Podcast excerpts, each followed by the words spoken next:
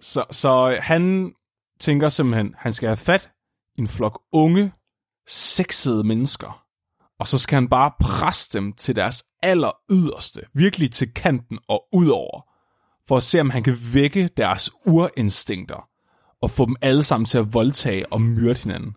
Så han har lavet Paradise. Yes. Det er, det er faktisk, det bliver utrolig meget ligesom reality show, det her. Vi bringer en advarsel. Den følgende podcast handler om vanvittig videnskab. Al forskningen, der præsenteres, er 100% ægte og udført af professionelle. Mark og Flemming står ikke til ansvar for eventuelle misforståelser, men minder jeg om, at de altid har ret. Husk at være dumme.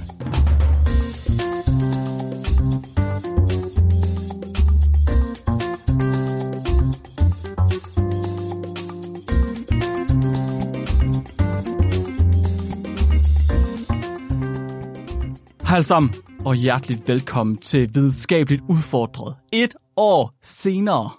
Flemming, Er det ikke sæson 4 af spækbrættet, eller 5? det er, vi er et år inde nu Et i helt det nye år. navn. Vidste du godt det? Det er et år siden, vi startede. Er det al- allerede?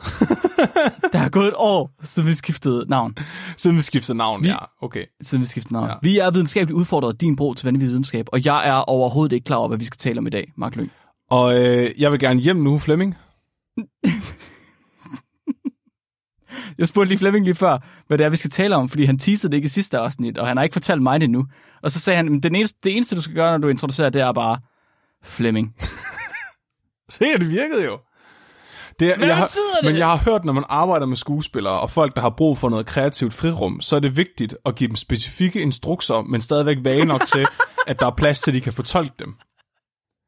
Jeg er ikke skuespiller, Flemming, jeg er Og videnskabsmand. jeg synes, Flemming er meget specifikt og vagt på samme tid. Det er det modsatte. Det jeg forstår det ikke. Hvad er det, du siger til mig? Jamen, jeg siger, Hvad? Mark, du er umulig at arbejde med, ligesom en rigtig skuespiller. Jeg er virkelig sådan en diva. ja, Og så giver mig replik, så siger jeg bare min egen. Ah, har du, jeg har ikke hentet nogen øl. Der, hvorfor, prøv at du har lige ved du tisse, du kunne have hentet en øl på vejen. Du sagde ikke, du havde en øl. Men så, prøv, det er fødselsdag. Selvfølgelig har jeg en øl, eller det er tirsdag. Må jeg også godt hente en øl, så? Så skal du satan ned med hurtigt. Der kommer han. Hvad for en øl har du fundet? Det er en Weissbier. Okay. Skal du ikke spørge mig øh, om, hvad jeg skal snakke om i dag? Nå, men jeg, synes- jeg synes, at det, øhm, jeg synes efterhånden, du har været så hemmelighedsfuld, at øh, jeg ved ikke helt, hvad jeg skal spørge om. Nå. Flemming, hvad skal vi snakke om i dag? Jeg kan slet ikke vente. Du har simpelthen du har går i teaset så gang, meget til det. så skal vi lige have... så skal vi lige have i talsat noget helt andet, Mark. Det kan jeg ikke, jeg kan ikke det her. Kæft, mand. Et år inden, et år, et år har vi gjort det her. Så øh, vi har fået mail fra Ja. Hanne. Hun skriver ind, Hej, skal I bande så meget? Send fra min iPhone. Og jeg, øh, det har jeg reflekteret lidt over, den øh, mail. Det er jo egentlig, jeg ved ikke, om det tæller som lytterspørgsmål. Det gør det vel. Det tænker jeg. Det er et spørgsmål fra en lytter. Normalt tager vi jo først lytterspørgsmålene til sidst, men jeg tænker måske, vi skulle tage det i starten i dag. At fordi Flemming ikke har et emne til i dag, at så er han nødt til at tage et lytterspørgsmål i starten. ja, og i midten, og i slutningen. Nå, men jeg kom bare til at tænke, banner vi meget? Nej. Gør vi? Det gør vi ikke, gør vi det? M- Mine svigermor synes, vi banner meget. Nå. Okay, Hun- vi banner hun- måske mere end Peter Mads, Lund Madsen. Måske. Ja, det er et vigtigt uh, mellemnavn at få på. Ja, jeg tænker, okay, vi banner måske mere end andre. Jeg ved, jeg har aldrig tænkt over det. Men Ja, øh, det, jeg synes, vi skal prøve, Mark, det er nyt år, nyt, ny start. Nytårsforudsætning. Men nu, nu banner vi ikke mere. Fuck. Nej, det hedder fyffer. Pyffer. Det kan jeg ikke. Jeg kan ikke. Jeg Mark, vil ikke. okay, jeg bare lige, vi, du bliver lige nødt til at prøve, inden du siger, du ikke kan. Du kan bare give op på den måde. Nu prøver vi det her afsnit, og så kan vi evaluere, når vi er færdige, hvordan det er gået. Du vil gerne have, at jeg ikke banner et helt afsnit. Søren Snus med, Mark. Jeg ved slet ikke. Jeg ved, jeg ved slet ikke. Flemming, hvad skal vi tale om i dag? Vi skal tale om sexbåden. Gælder... Vent, hvad? Nej, undskyld, hvad? Du siger, du siger til mig, at jeg ikke må bande, og så siger du, at vi skal tale om sexbåden. yes. Hvad i alverden er sexbåden? Det er et socialantropologisk studie fra 1973, udført af antropologen Santiago, hvor han satte en hel masse mennesker ud på en lille bitte lortebåd, for at se, om de vil dræbe hinanden og voldtage hinanden ren kedsomhed. What? Yes. Er det ægte? Yes.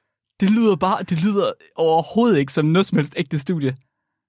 Det er meget ægte studie. Og det er, jeg har, jeg, jeg fatter ikke, at jeg har hørt om det før. Fordi det er for vildt, og det er et utroligt veldokumenteret studie. Det glæder mig sindssygt meget til. Cool. Skal vi så ikke bare gå i gang? Jeg vil, kan du ikke venligst fortælle mig lidt om sexbåden? Så, i 1972, der er Santiago Genoves, den meksikanske socialantropolog, på vej hjem fra en konference. Og den her konference var simpelthen en antropologkonference om vold. Jeg, kunne forestille, jeg forestiller mig, at sådan nogle de er sjove. Det tror jeg egentlig også. Folk, der forsker i vold, er sikkert nogle ikke særlig voldelige mennesker. Fordi hvis man er et voldelig menneske, så tror jeg ikke, man har brug for at forske det. Det tror jeg heller ikke. Men, men han er på vej hjem på den her konference i flyet. Han sidder i flyet på vej hjem til Mexico, og øh, lige pludselig så bliver det her fly kapret af terrorister. okay. Og han beskriver oplevelsen som værende for god til at være sand. For, undskyld, hvad? Fordi for en antropolog, der forsker i vold, så er det at være ombord under en fly, ægte flykabring jo fuldstændig det samme, som hvad det vil være for en retsmediciner, at en eller anden person døde en virkelig mærkelig voldsom død foran dem. Det kan måske... Jeg, jeg, jeg kan godt sætte mig ind i det. Det er sådan det perfekte situation at stå i. At de behøver ikke være voldelige, bare for at kapre et fly. Det er rigtigt nok. Altså, det er ikke kun øh, fysisk vold, det er også sådan, du ved, menneskets primitive Ah. psyke og respons. Altså, øh, hvordan, vi, hvordan vi handler, når vi er vores sande selv. Okay, så Santiago han har siddet i et fly på vej til Mexico, og egentlig siddet og kedet sig lidt, og måske set en, øh, en dårlig film på de der skærme der. Og så har- har, er der nogen, der har hoppet op og sagt, det er vores fly nu! Og alle andre begyndte at skrige, og Santiago han har siddet, "Nii!" Ja, og taget noter. For der, han har, nej, nej. han, han, der har jo ikke været noget fjernsyn i, i flyet i 70'erne, så han har bare, Nej, det var 70'erne. han har bare siddet med papir og blyant og lavet altså kryds og tværs eller sådan noget. Og han er rigtig, rigtig glad for, at han får komme ned igen, fordi hvad nu, hvis de var faldet ned i havet, så havde hans noter bare været væk. Præcis. Det var ret heldigt, at han overlevede. Det kan man sige. Så øh, han øh, reagerer simpelthen ved at, øh, at, at bare observere. Han, han tager det som en observationsstudie, hvilket er en ret interessant coping-mekanisme. Så han er meget fascineret af, hvor forskelligt folk de reagerer på den her stressede situation. Og han oplever det, han personligt beskriver som værende, at deres autentiske selv kommer til udtryk under den her stressende situation. Så han har, altså du ved, den her idé om, at vi mennesker hele tiden ligger låg på os selv til hverdag, men at hvis vi virkelig bliver presset til vores yderste, så viser vi de monstre, vi går rundt med inde i os selv. Mm. Og det er jo så det, han har oplevet her. Mm-hmm. Og han udgiver selvfølgelig en videnskabelig publikation, baseret på det data, at han samler på flyet, Okay. og kommer ind i flyvende fra start. Haha. Fordi Haha. allerede, allerede året efter, der har han fået en fyfillig handkat, stor omgang penge til at forske det her. Undskyld, Santiago, vi kunne simpelthen så godt lide dit studie om øh, den her øh, vaskeægte flykabring. Kan du ikke lave nogle flere? det kunne vi godt tænke os. Kan du ikke? Den skal vi have nogle flere af, du. Præcis. Så han kan selvfølgelig ikke bruge de her penge på at, be- at betale terrorister for at kapre et fly, men han kan gøre det næstbedste. Så det studie, han opstiller, det er inspireret af et uh, tidligere studie, Ja. øh, som var ret op at vende øh, inden for hans felt på det her tidspunkt. Og det var et studie, hvor man havde fundet ud af, at øh, størstedelen af konflikter blandt voksne hanschimpanser handlede omkring adgang til hunderne, der havde ægløsning. Okay. Han var så overbevist om, at de her øh, konflikter, vi har os mennesker, egentlig mere eller mindre kommer derfra os. Det Så hele bare handler hvor- om mænd, der vil have kvinder med Ja. ægløsning, og det er derfor, at vi laver smartphones og rumraketter. Okay. Og også er voldelige? Ja. Okay, så vi er intelligente og voldelige, fordi vi bare gerne vil bolle med hinanden, mens vi er frugtbare. Ja, du ved, sådan alting er sådan et stort paringsritual-agtigt. Så, så, så du ved, han mener jo så, at hvis, hvis, hvis man kan presse mennesker nok, så fjerner de ligesom det her akt, og så begynder de bare, du ved, gå direkte efter det, de egentlig gerne vil have. Hey, uh, smukke pige, kunne du ikke tænke dig at komme med mig hjem? Jeg, han, de vil gerne have noget ægløsning. Nej, det, nej, nej tak. Hvad så, hvis jeg kæber et fly? Kunne du ikke tænke dig at komme med mig hjem? og, det, og, og allerede her, der begynder man sådan at kunne lugte lidt, at han er måske lidt mandsjuvenistisk, fordi han fokuserer udelukkende på mændenes motivation, ikke? Han, han, han, han tænker ikke engang over, at kvinder måske kunne have en anden motivation end adgang til andre kvinder med ægløsning. er, det ikke deres, er det ikke deres ypperste motivation, Flemming? Det, det er jo et godt spørgsmål. Det, altså for nogen er det jo sikkert. Jeg ved det ikke helt. Det, det må Jeg han jo næsten selv. Det, det går jeg stærkt ud fra, at han har fundet ud af med kærlighedsbåden. Det håber ja, det, det, det kan godt være, at du bliver lidt skuffet. Nå. Så, øhm, han må selvfølgelig finde ud af, om det er det samme for mennesker. Så han skal Ja. ja. designe det perfekte eksperiment for den her enorme pose penge, han har fået. Uha, det perfekte sexeksperiment. Det perfekte øh, eksperiment. Så, så han tænker simpelthen, han skal have fat i en flok unge, sexede mennesker. Og så skal han bare presse dem til deres aller yderste, virkelig til kanten og udover, for at se, om han kan vække deres urinstinkter og få dem alle sammen til at voldtage og myrde hinanden. Så han har lavet Paradise. Yes. Det er, det er faktisk, det bliver utrolig meget ligesom reality show, det her. Så, hvordan gør man det? På en etisk og samtidig lovlig måde. Mm, spørger du, eller vil du bare, vil, var det hypote, eller hvad hedder det? Jeg vil gerne høre din løsning. Du vil gerne Nu høre? har du måske lidt spoilet, fået spoilet ud fra titlen, ikke? Men øhm, Ja, jeg, jeg, går, så jeg kunne høre, at det har noget med en båd at gøre. Altså nu vi, det, vi må kunne være, lad os være ligeglade med det der setting der. Altså hvor det er henne. Det er vel i virkeligheden rimelig ligegyldigt. Et, det, det, et- så du siger, at han vil gerne have folk drevet ud på kanten. På så langt ud, at de viser deres sande jeg. Om det så er at dyrke sex med hinanden, eller at slå på hinanden. Mm. Er det rigtigt? Ja. Og hvordan gør man det? Hvordan presser man folk så meget, at de gør det? Hmm, det er et virkelig godt spørgsmål. Ja, fordi du har jo også problemet med, at alting er jo på frivillig basis. Så det vil jo sige, at alle dem, der melder sig som forsøgspersoner, de kan jo til hvert tidspunkt melde sig ud, når det begynder at blive ubehageligt for dem. Og det kan de godt, og det virker, fordi det gjorde det jo ikke i Stanford Prison Experiment, for eksempel. Nej, så det her det er meget kort tid efter Stanford Prison eksperimentet. Okay. Så der er, der er fokus på det her. Okay, så han har, han har fået lagt en del begrænsninger på sig, fordi at han godt ved, at han skal måske ikke spærre folk ind og få dem til at tæve hinanden. Ja, og måske er der også bare begrænsninger, han har lagt på sig selv, fordi han ved jo også godt, at hvis han laver det samme en gang til, så får der nok ret meget backlash på samme måde, som, som Stanford Prison eksperimentet fik. Så er han jo nødt til at gøre sådan, at de ikke rigtig kan slippe væk. Lige præcis, Mark. på en etisk måde, på en måde, som er sådan, so- som en måde, som er socialt acceptabel nok til, at folk ikke stiller spørgsmålstegn ved det. Du må godt tage hjem, du skal bare selv svømme. Præcis. Det er lige det, han gør. Hvis han putter dem alle sammen på en båd, og så bare får dem til at sejle over Atlanten på den her båd, og sørge for, at båden er elendig nok, så kan han have dem alle sammen spærret inde på et meget, meget lille område, uden nogen udvej, i 100 dage. 100 dage? Oh yes. Det er lang tid.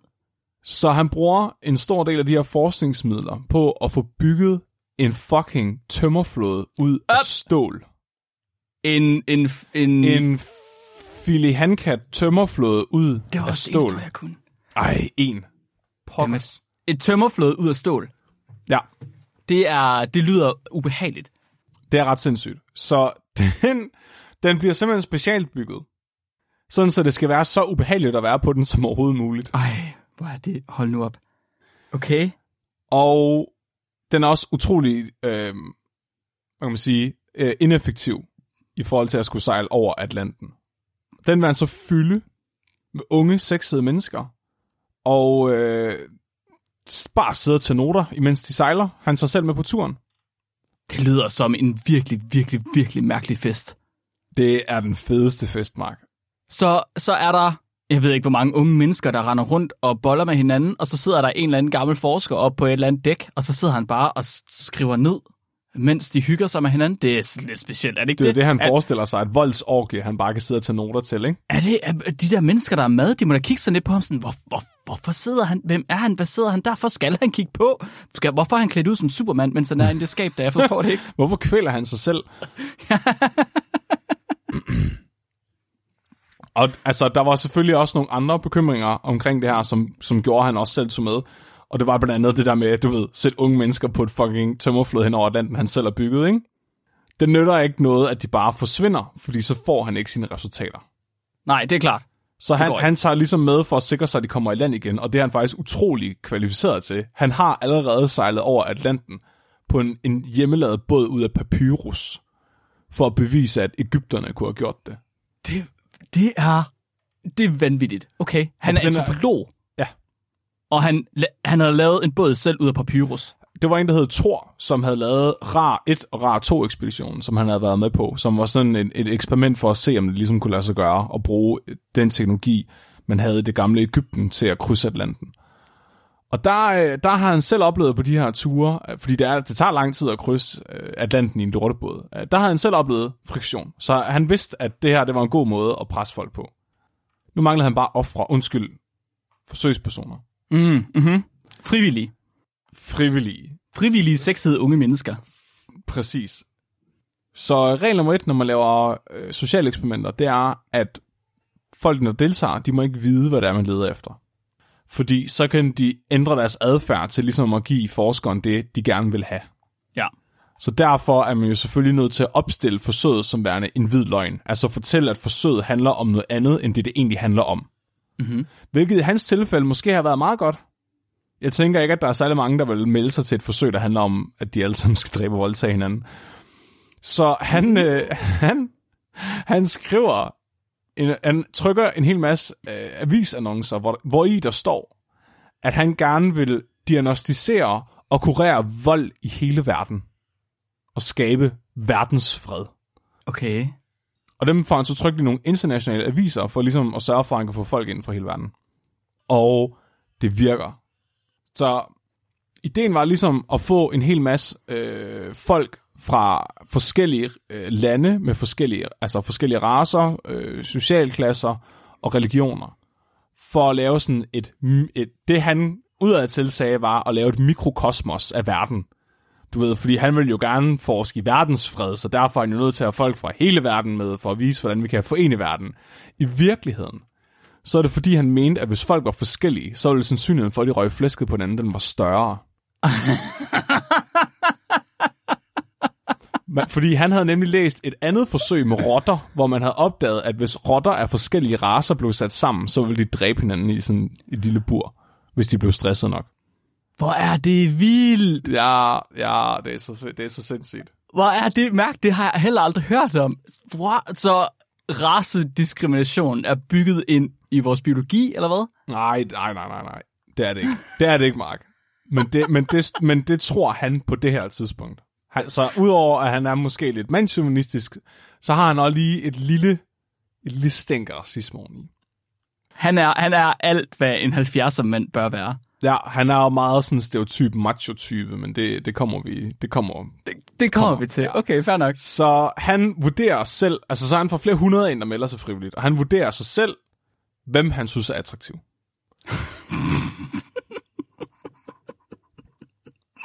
Du ved, den eneste rigtig objektive måde at gøre det på.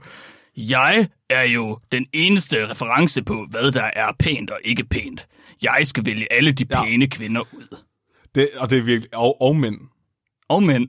Og det er virkelig sjovt, fordi de ved, altså Men det kan de jo ikke personer, der deltager, de tror jo bare, at de skal være med på en sejltur for at skabe red- verdensfred. Ja. De ved ikke, at han har valgt dem baseret på, hvordan de ser ud. Hvor er det sindssygt. Hvor er det virkelig, virkelig, virkelig mærkeligt. er Men Flemming, som en 70'er macho så kan han jo ikke vælge pæne mænd ud. Det, har han, det har, er han jo ikke en ekspert på overhovedet. Og det ved jeg ikke, altså... De var, jeg synes, de var meget pæne, de mænd, han valgte, altså. Men det kan han jo ikke. Han er jo, 70, han er jo en 70'er mand, Flemming. Det kan være, han fik sin kone til at hjælpe sig, jeg ved det ikke. Det lyder bedre. Jeg, jeg er straks meget mere med på den her idé igen. Ja. Så han valgte seks kvinder og fire mænd. Kvinderne var øh, en fransk fridykker på 32 år, der hed Savan. en øh, forsker i, fra Algeriet, der hed øh, Rashida. Hun var kun 23, så hun var den yngste. En amerikansk tjener, der hed Mary på 36. Hun var lige flygtet fra sin voldelige mand. Han havde prøvet at kvæle hende, og så var hun sprunget over bord den båd, hun var på, og så svømmede i land, og så stak hun, hun stak mere eller mindre af ved at tage med til det her, på det her eksperiment. Hun svømmede fra en båd til en anden båd. Ja. Han bjergede hende bare ind over. Det er derfor, der er seks kvinder og fire mænd. Ja, det er, det er, ret, det er ret crazy. Så var der øh, en radiokontrollør, som hed Faye på 23. Hun var amerikaner. Så har vi en tjekoslovak fra Israel, der talte tysk. Etna. Hun var 32 år læge og tidligere øh, øh, hvad hedder det, soldat. Og så den sjette var ekspeditionens kaptajn Maria Bjørnstrøm fra Sverige på 30. Mændene, det var José fra Uruguay, som var en tidligere studerende under Santiago. Så har vi Charles Anthony, som var en græker, og Bernardo Bongo, som var en katolsk præst fra Angola, der levede i celibat. Fordi Santiago mente, at en præst ombord på båden ville skabe ekstra pres og skam blandt forsøgspersonerne. Hvor er det vanvittigt? Hvor introducerer han bare virkelig, virkelig mange forskellige faktorer og variabler Ja. for at se, hvad der sker, uden overhovedet at kontrollere dem? Mm. Hvor er det fuldstændig umuligt for ham at holde styr på noget som helst og holde noget som helst kontrolleret? Han vil jo bare gerne prøve at lave det, altså en bombe på vandet, og så se den springe. Hvad, er- hvor, jeg forstår, jeg har lidt svært ved at forstå. Hvorfor vil han det? Hvad regner han med at få ud af det? Han vil bare gerne have, at folk de tæver hinanden. Men du kan da godt få folk til hinanden. Du går over og kalder en anden, du går over og finder en anden gut på en bar, så kalder du ham for en numsen på en abe, og, og så slår han dig. Altså, Ja, men, ikke- men, men øh, hvor, hvor, hvornår kommer du over tærsklen til at Men sige hvis- det til ham? Men, hvis, men hans grænse lige nu, det, eller hans, hvad skal man sige, hans spar er jo sat så mega lavt. Han har, jo, han har jo gjort alt, hvad han kan for, for de her mennesker til at gå i flæsket på hinanden. Havde det ikke været mere interessant at sætte de mest rolige mennesker, der overhovedet kunne finde, ud på en båd sammen, og så se, om de kunne slå hinanden ihjel? Jo, det ville jo være den ultimative øh, forsøg. De her mennesker, det er jo klart, at de... øh, Nu ved jeg ikke, altså... Men når han nu har presset dem så hårdt, og ligesom gjort alt, hvad han kan for at skabe konflikt, så er det jo klart, at der sker en konflikt. Al- altså... Jeg forstår slet ikke, hvad han vil ud af det. Altså, han vil bare have konflikten jo. Fordi hvis, bare- han, vil jo, han, vil jo gerne, han, vil, han vil være så sikker som muligt på, at det her går galt. Men er det så er det fordi, han vil studere konflikten bagefter, i stedet for at studere, hvad der, er, der leder til konflikt? Han vil gerne bevise, at den her konflikt kan opstå, hvor at, at basically alle, der kommer tilbage, er gravide eller døde. Men okay. Okay. okay, okay, så det giver faktisk mening, så, så, vil han, så giver det mening, at han skal sørge for, at der er så stor sandsynlighed for konflikt som muligt. Ja, fordi hans hypotese er, at vi mennesker i virkeligheden bare er nogle voldelige, liderlige væsener Ja. inderst inde. Og hvis du okay. Piller menneskeligheden væk, så, er så er der, kommer det frem. Okay, jeg tror, jeg forstår det så. Jeg tror, jeg forstår det. Det er ikke, fordi han vil vise, at, at mennesker de er inderligt voldelige. Det er, fordi han vil vise, øh, at når vi er voldelige, så går vi også til den, eller sådan noget. Det, nej, ja, det, Ah, mere, det er virkelig, det er svært. Det, det er ligesom, du ved, han vil gerne skralde det civiliserede lag af vores personlighed væk, for at få det, der ligger inde bagved, frem. Okay, Fordi hvis han får det frem, så er det ligesom at lave et dyreeksperiment. Fordi chimpanser, de tænker måske ikke så meget over at hæmme sig selv i forhold til parring og konflikt, som vi gør. okay, Han vil jo gerne vise, at vi er ligesom chimpanser. Okay. Så hvis han nu stresser dem nok og skaber mulighed for konflikt nok, så kan han få os til at opføre os ligesom dyr. Og så kan han bevise sin hypotese om, at størstedelen af vores konflikter kommer fra mænds ønske om at få kvinder i ægløsning. Okay, okay, okay. Jeg tror, jeg, tror, jeg er med. Jeg tror, jeg er med. Cool. Det er, og jeg kan godt forstå, hvis at det er svært at følge med, fordi det er egentlig ikke mega tydeligt, hvad det er, han har tænkt sig. Det, det lyder ikke som om, det er mega tydeligt. Det lyder som om, han bare gerne vil have nogle unge mennesker til at tæve på hinanden eller bolde hinanden. Ja, og så not- at tage noter til det og udgive det som forskning. Men det kommer det sidste- til at være. Den sidste mand, der var med på, øh, på turen, det var Aisuke, og han var en japansk fotograf. Og de okay. var alle sammen i 20'erne eller 30'erne. Talte de et fælles sprog? Øhm, det er jeg ikke helt sikker på. Jeg er ret sikker på, at de fleste af dem kunne tale engelsk eller fransk. Okay. Okay, fordi du sagde, at Edna talte tysk. Så spørgsmålet om hun også har talt engelsk eller Ja, fransk ved det har, hun talt engelsk. Hun var, ja, okay. men det, hun var, ja. Så en, en ting, der er med det her, det er, at der er ret stor forskel på deres kompetencer. Mm-hmm. Specifikt så er kvinderne sindssygt kompetente til den her tur. Du har en kaptajn, du har en dykker, du har en forsker, du har en læge. Soldat. Præcis. Du har nogle sindssygt kompetente kvinder, og så har du nogle mænd, der overhovedet ikke har relevante øh, evner til den her tur. Der var en studerende og en fotograf og en græker og, Og en præst. og en præst. Ja. Hvad, hvad, hvad lavede grækeren? Grækeren, han var radiokontrollør. Radiokontrollør. Okay. Radio operator. Okay. Og Og øh, da, de, da de kom ombord på båden, fik de også uddelt opgaver. Og øh, radiokontrolløren skulle alle... være kok. Nej. Mm-mm. Nå. Mændene, de fik ligegyldige opgaver. Okay. Mændene, de skulle bare skrubbe dækket, og kvinderne, de fik alle de vigtige opgaver. Fordi han havde en idé om, at mændene, de ville blive øh, provokeret af ikke at have noget vigtigt at lave. De ville, de ville være provokeret af, at kvinderne bestemte over sig. Det ville de ikke finde sig i, og det ville være endnu en grund til, at de vil reagere og blive stresset og blive vrede. Jeg håber, jeg håber så inderligt, at der ikke har været nogen konflikt. Jeg håber så inderligt, at de har vist, at de har bevist over for ham, at han tog fejl, og at hans mandsjumanisme, den bare kunne gå ned og drukne. Så Eisuke, for eksempel, som Ja. var fotografen fra Japan, han troede, at grunden til, at han kom med på den her tur, var, så han kunne dokumentere det og tage billeder. Mm-hmm. Det var først, da de var sejlet, at det gik op for ham, at han ikke skulle lave noget som helst andet end at være et forsøg, forsøgsdyr. Okay. Så og hvordan reagerede han så på det? Ikke så af kedsomhed. Nå, Så, så, han, ja, så ideen er ligesom at give kvinderne alt ansvaret, fordi så kommer der jo selvfølgelig flere konflikter. For det første fordi, at øh, i Santiagos verden, så er kvinder ikke egnet til at bestemme og have ansvar. For Og for det andet, så kan mænd ikke tåle at blive bestemt over kvinder. Så er der en ting mere til det her. Ja. Det er, at alle kvinderne var enten gift eller tidligere gift med børn. Alle kvinderne havde børn. Og også i den 23-årige. Ja. Okay. Og det var simpelthen for... Jeg var sikker gør- på, at de er frugtbare, eller hvad? Ja, Ej, ej, ej, hvor er det så forfærdeligt ulækkert. Det var fordi, han ville være sikker på, at de var frugtbare. Fordi det nyttede ikke noget, at hvis konflikterne handlede om ægløsning, at han så havde kvinder med, der ikke var frugtbare. Hvor er det, hvor er det en virkelig, virkelig ubehagelig parameter at tage højde for. Hvor er det, hvor er det sindssygt at have været ude og så sige, øh, hende er, ja, hun er, jeg, jeg er sgu ikke sikker på, at hendes æggestok, det virker. Jo, jo, der er en rolling lige derovre, så må det rigtigt nok, hun skal med. Præcis. Og det, og det er altså... Det var også for at gøre det ekstra hårdt for dem at være med på den her tur. Fordi Det de, giver, skulle, det giver mening for mig. Ja, de ville savne deres børn også. Så der er en win-win for Santiago. ja, ja. ja. De sejler fra de Kanariske øer den 12. maj 1973 og sætter sejl mod Mexico. Mm-hmm. Båden bliver døbt, undskyld, tømmerfloden, bliver, bliver døbt Akali, som er aztekisk og betyder huset på vandet. Okay. Og den her tur over Atlanterhavet vil jo tage dem sådan cirka 100 dage, hvis tingene går som planlagt. Hvis de overhovedet nogensinde når frem.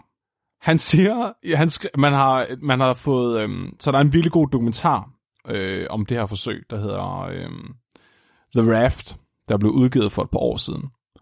Og der har de fået fat i Santiagos personlige noter, altså dagbog og noter fra den her tur. Mm-hmm. Og han skriver, jeg ved, at det er farligt, men jeg tror ikke, det er gået op for dem endnu. Måske undtagen Maria, som er kaptajnen. Fordi Maria, hun ser den her fucking tømmerflod, der er lavet af stål, og flyner. Nej! Nej!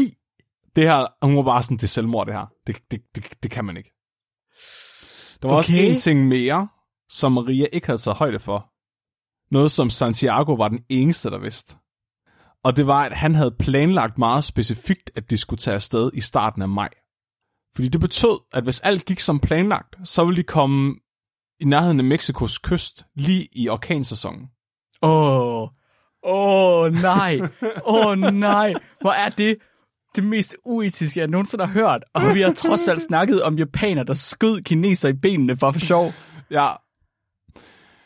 Han mener, at øh, folk vil reagere med instinkt på farlige situationer.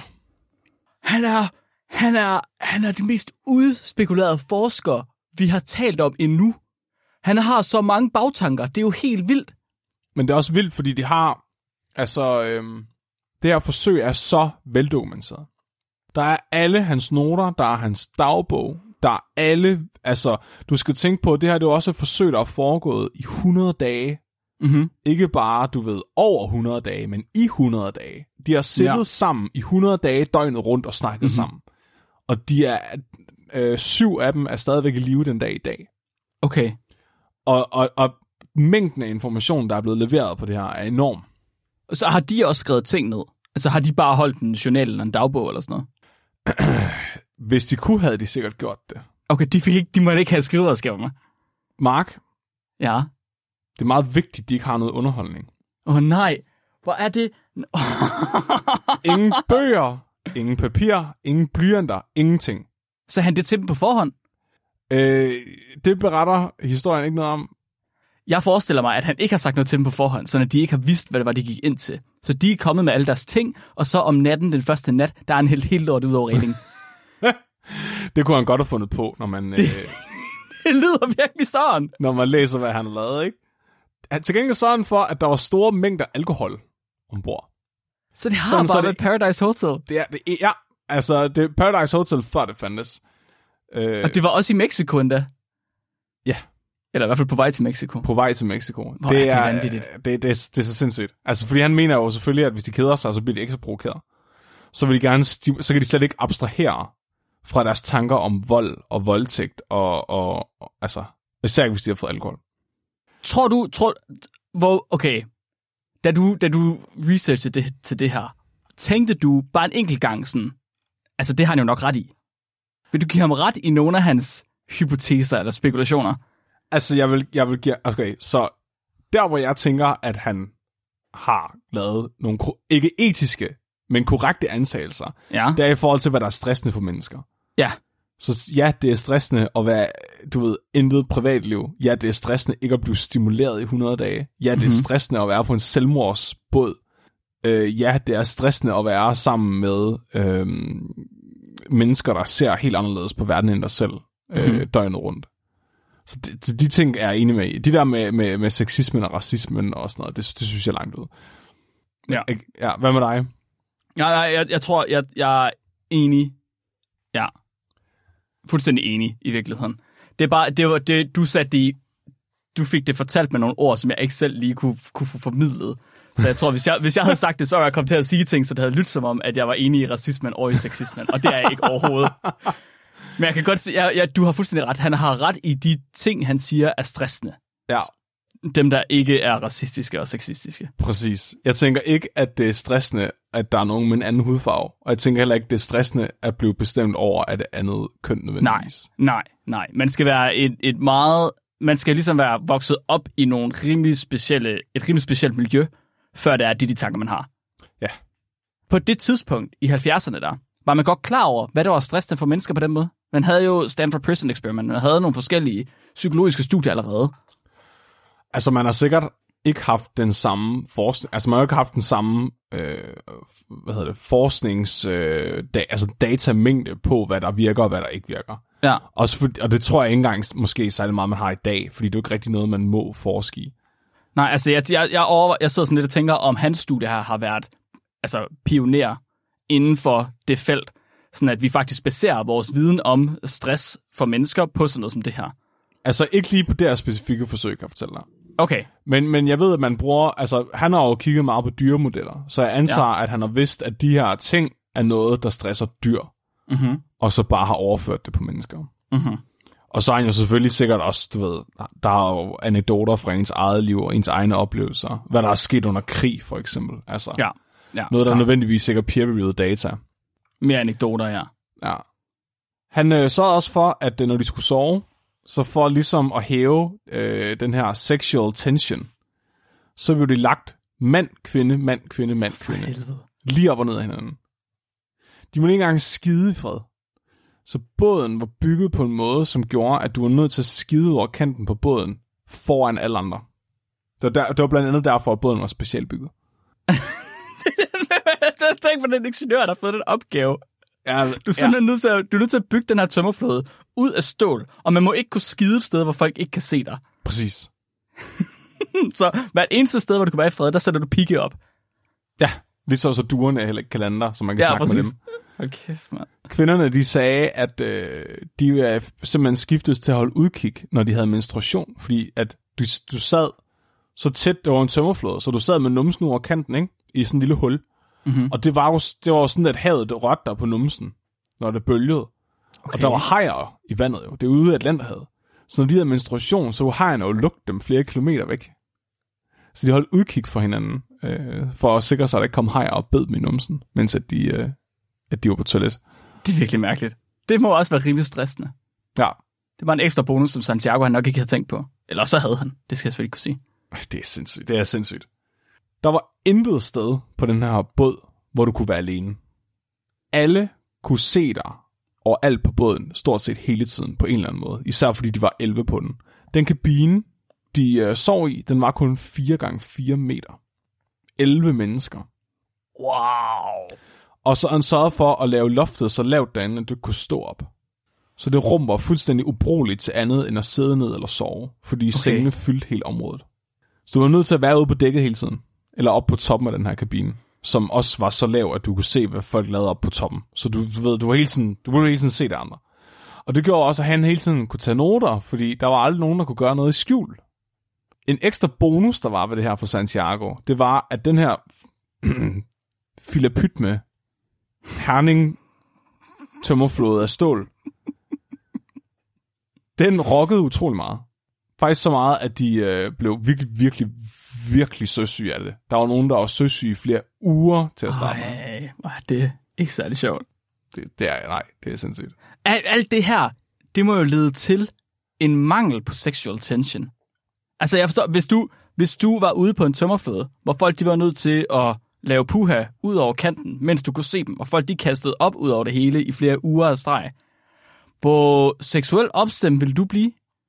Det, jeg kan ikke tale på mine egne vegne, Nej. men jeg, jeg, jeg kender i hvert fald nogen, som, som ikke vil se det som værende en hindring, Mark. Okay, så det vil bare være fedt. Det, det ved jeg ikke. kan vi ikke... Prøv at, øh, Sandra, kan du ikke... Eller nej, måske et andet navn. Øh, Beate, kan du ikke sætte dig ud over kanten her, mens der, mens, så kan jeg lige kigge på dig, mens jeg er i gang her. Det er rigtig rart. Det vil jeg gerne. Det kunne være dejligt. det, jeg, jeg synes, det er mærkeligt. Jeg forstår ikke, hvad det er, han har forsøgt med det her.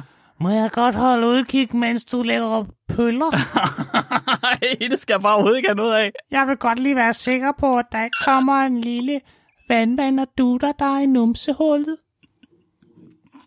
Jeg bliver nok nødt til at lægge mig helt ned og kigge ud over kanten, så jeg er sikker på, at der ikke kommer noget. Hvorfor, hvorfor lyder du som Anna fra Anna Lotte? Hvordan gør du det? og hvorfor er det så Hold seksuelt ophidsende? Den lugter godt nok, den der, var.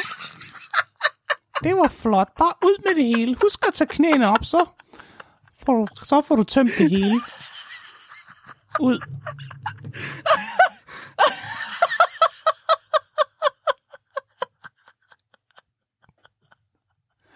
Du skal nok skal til bare- at spise nogle flere fibre.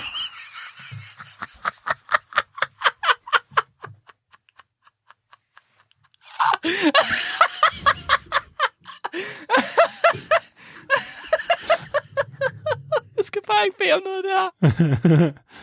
Skal jeg lige mærke efter, om du kom til at suge noget saltvand ind, da du blev færdig?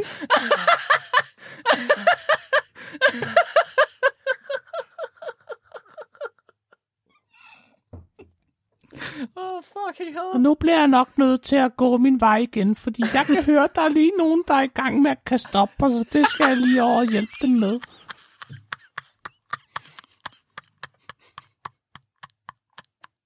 Ha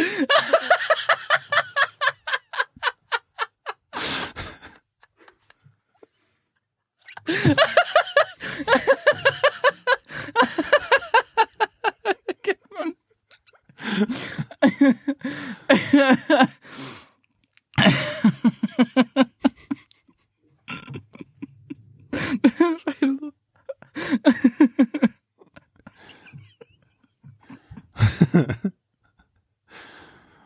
Du ikke så godt kan lide at stikke numsen ned i vandet, så må du gerne gå ind og gøre det om og sætte dig på toilet inde i min seng. Det er helt okay. Så bliver den bare så blød med barsen.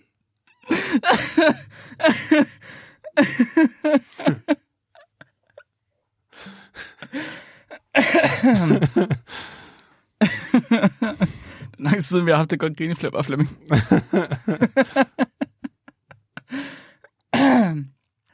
Så det var, det var sådan set, Jaco gik rundt og snakkede til dem, ja, men så Ja. tog noter. mens så tog noter.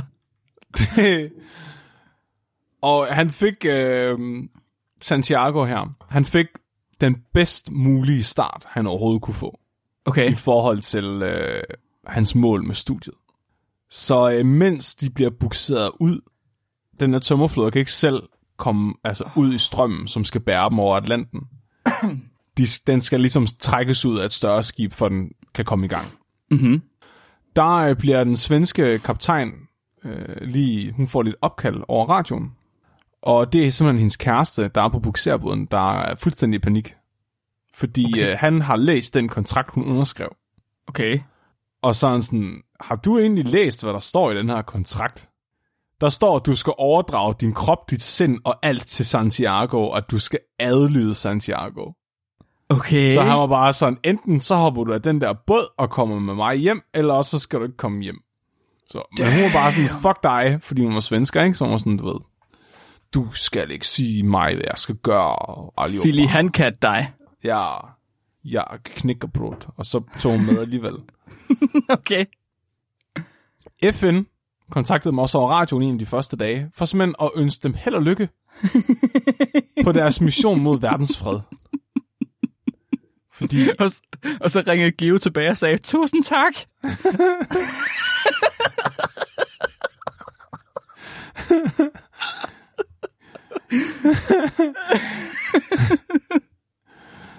åh oh, gud, de, uh, ja, så, så FN tror, at det er det, at uh, forsøget går ud på. Ej, hvor er det sindssygt. Hvor er det bare ultra mærkeligt.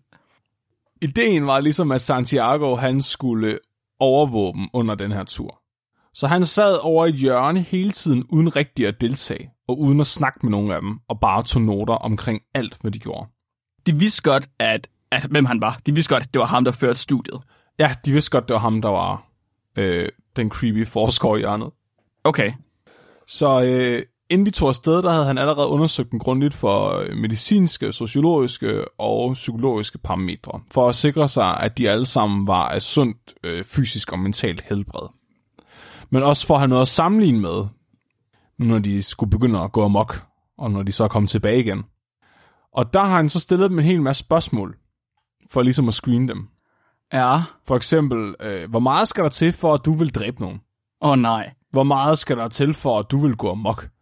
For ligesom Nej. at sikre sig, at han har nogle gode kandidater til et øh, voldsorgie på den her båd. Hvis Robert, han tager en majs mere end mig igen i morgen til aftensmad, så, så smadrer jeg ham. Fem, jeg, jeg vil ikke have det. Han har været træls gennem en længere periode. Nej, Flemming. Under turen, der fik han dem så også til at udf- altså udfylde en hel masse spørgeskemaer. Altså flere gange om ugen skulle de udfylde spørgeskemaer, så han hele tiden indsamlede data på, hvor de var. det var også en stress, øh, stressfaktor. Øh, ja, det har sikkert været skide stressende, og det har ikke- sikkert ikke engang været intentionelt. Det var simpelthen bare for, at han fik en masse data. Ja. så han ligesom kunne følge med, hvordan de langsomt rødnede af, oh, nej. af, de, af de her wow. forhold, ikke? Så Han- han, han- øh, Havde han tjekket dem medicinsk også? Jeg ved, han var ikke selv læge, vel? jo, han havde, tjent, han havde fået tjekket dem medicinsk. De var blevet undersøgt overalt. Okay, han skulle lige være sikker på, at de ikke havde nogen kønssygdom inden. Øh, det ved jeg ikke, i hvert fald blevet tjekket, om de havde gode øjne og sådan noget. Så han også kunne måle, om de havde kønssygdom, når de kom hjem igen. Det øh, er- melder historien ikke om. Det er ikke sikkert, han lige har tænkt på det. Han, Så- lyder ikke som, han lyder ikke som en person, der ikke havde tænkt på det, Flemming. Ej, det er selvfølgelig rigtigt. Han lyder som en person, der 100% havde tænkt på det. Ja, han har sikkert undersøgt dem for det personligt. okay, ja. Så de her spørgsmål, øh, som de fik under turen, handlede meget om gruppedynamikken. På sådan en rimelig enerverende måde. Så det var sådan noget med, øh, hvem irriterer dig mest? Hvem øh, kan du bedst lide? Og hvorfor? Hvem vil du helst skille dig af med? Sådan noget, øh, tror Hvem- du? Hvem skal Mm. sendes hjem til næste øråd? Ja. Hvem skal jeg sendes hjem øh, til bunden af had? til bunden af havet. Ja, på den måde. Hvem vil du, hvem vil du helst, øh, du ved, permanent Mm. ikke leve længere. Okay, ja, ja, ja, ja, ja. Og øhm, der er også nogle lidt mere spændende spørgsmål. Hvor tit gokker du? Nej, nej, okay. Har du gokket? Har du gokket på båden? Jeg skal ikke, Har du ikke. bollet med nogen på båden? jeg skal ikke bede om det. Var der mere end en person, du bollede med på en gang? Og hvem var det? Han er simpelthen så overbevist om, at det her vil blive et voldsorgie. Han sørger for at spørge, var det et orgie? Og med hvem?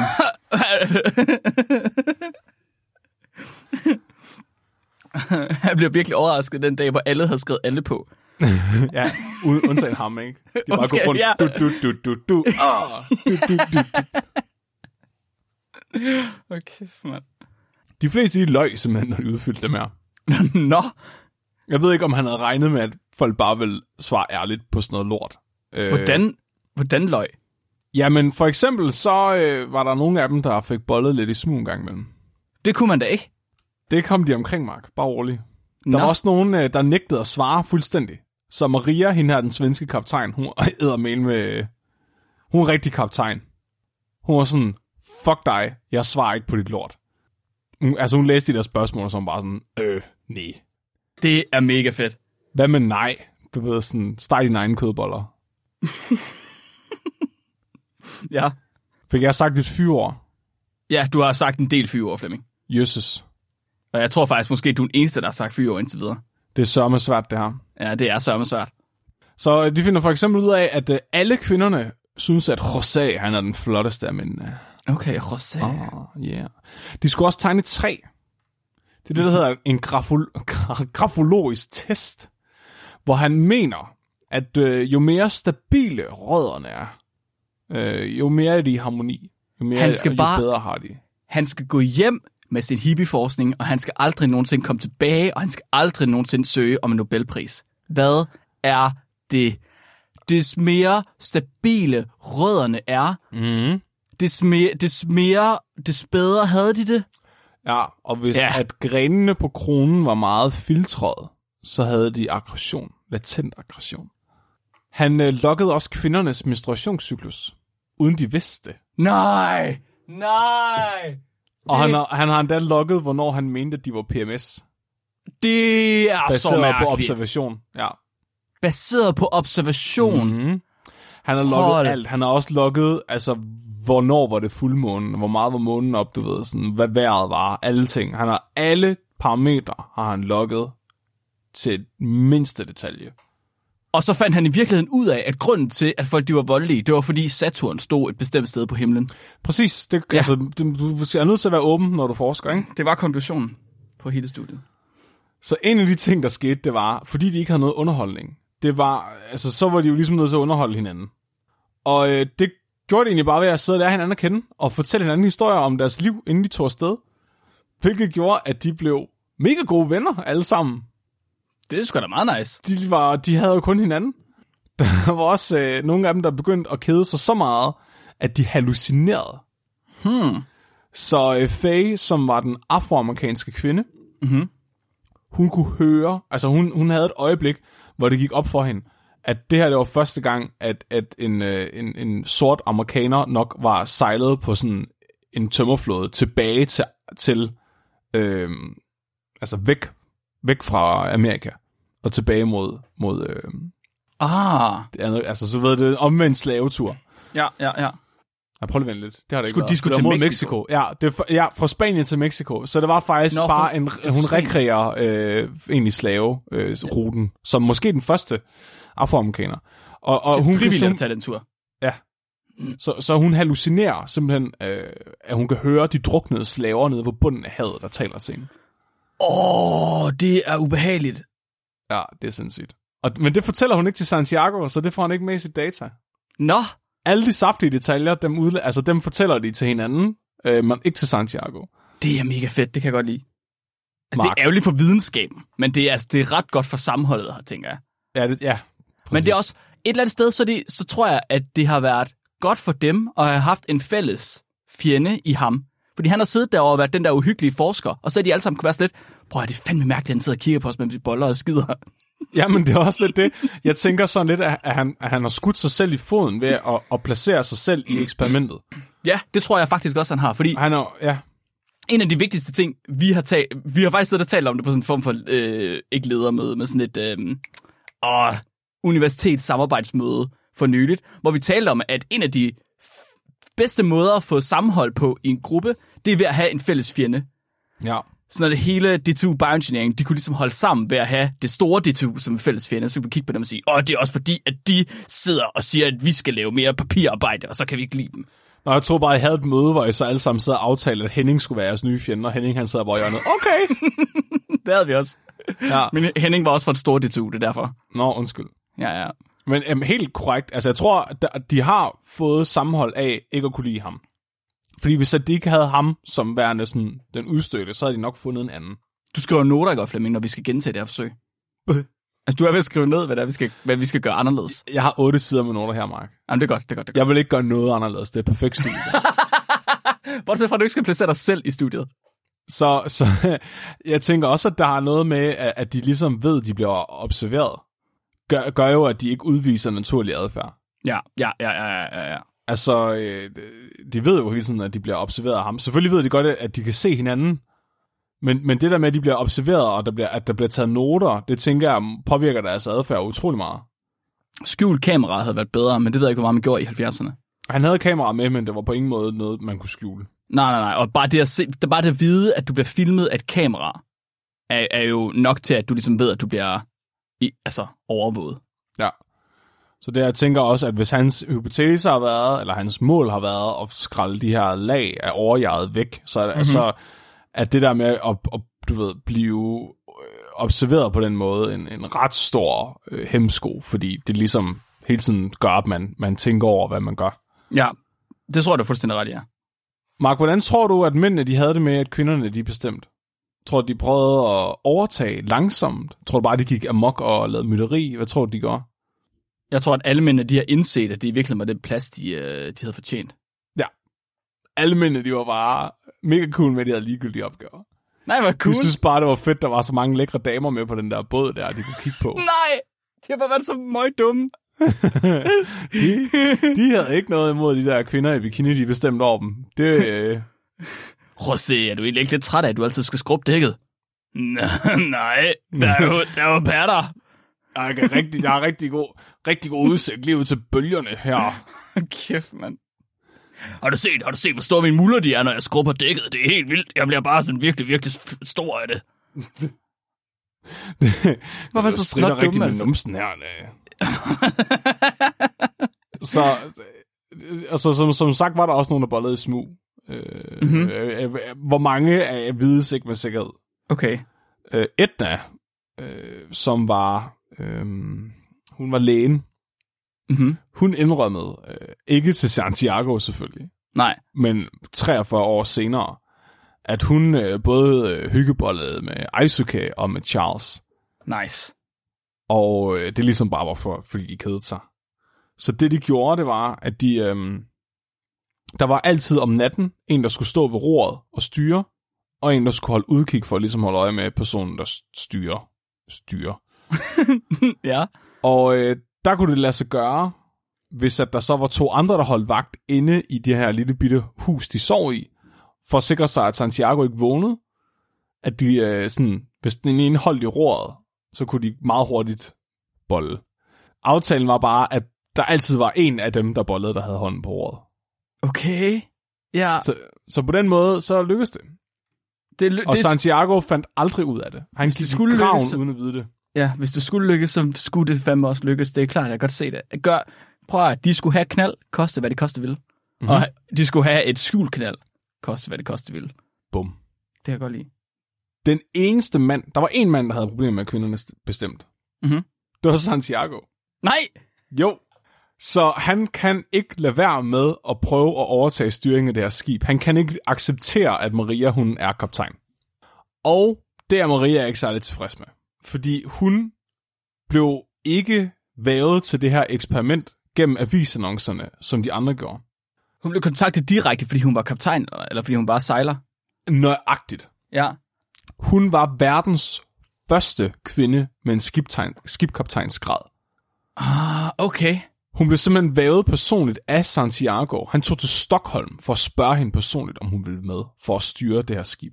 Og så gav han hende en kontrakt, hvor der stod, at hun skulle overgive sin krop, sin sjæl og sit sind til ham. Og så tog hun med. Ja, Hold da op, jeg tror ikke, de har haft kontraktlæsning til det der skibsejladskursus. det tror jeg ikke, hun har givet. Nej. Og det er bare, det er vildt, altså. Men han kan stadig ikke acceptere, at hun styrer. Han er ikke selv uddannet kaptajn. Men han vil stadigvæk styre. Han kan, ikke, han kan ikke leve med, at hun styrer skibet. Han blander sig hele tiden. Og det Ej, var bare, han toksisk. Maria var jo i forvejen den, som ikke engang gad svare Ja, på hans spørgeskema, ikke? Ja. Nu var hun bare sådan virkelig træt af hans pis. Ja, så det var kun ham selv, der blev provokeret af, at hun var kaptajn. Som kvinde. Okay. Der sker også noget andet, det er, Maria, hun er jo ikke dum. Nej. Så øh, hun har ligesom ikke helt nogen idé om, hvor lang tid det vil tage at sejle over Atlanten med den her tømmerflåde, mest fordi hun er ligesom nødt til at sejle på den for at vide, hvor hurtigt kan den sejle. Klart. Det er jo en specialbygget båd, så du, det har du måske ikke så meget viden om, før du mm-hmm. er i gang. Så, Ja, ja. Men, men da de har været afsted et godt stykke tid, så regner hun ud, at de er lige på vej ind i orkansæsonen. Åh. Oh. Fordi hun regner ud, hvor hurtigt de sejlede, og øhm, oh. Hvornår de ville øh, ligge i land. Okay, ja, så hun vidste selvfølgelig ikke fra starten af, at det ville tage 100 dage. Det vidste Santiago, fordi han vidste cirka, hvor hurtigt de kunne sejle. Ja, Okay, okay, okay, okay. Så hun havde godt set, okay, de skulle afsted til maj, men hun var ikke klar over, hvornår de kom ind igen. Og så halvvejs igennem, sådan omkring øh, juni eller sådan noget, så kunne hun godt se, okay, nu begynder det faktisk, vi skal til Mexico, men den her hastighed her, så er det lige om lidt, så rammer vi ind i en eller anden sindssyg orkan. ja. Hvad gør hun så?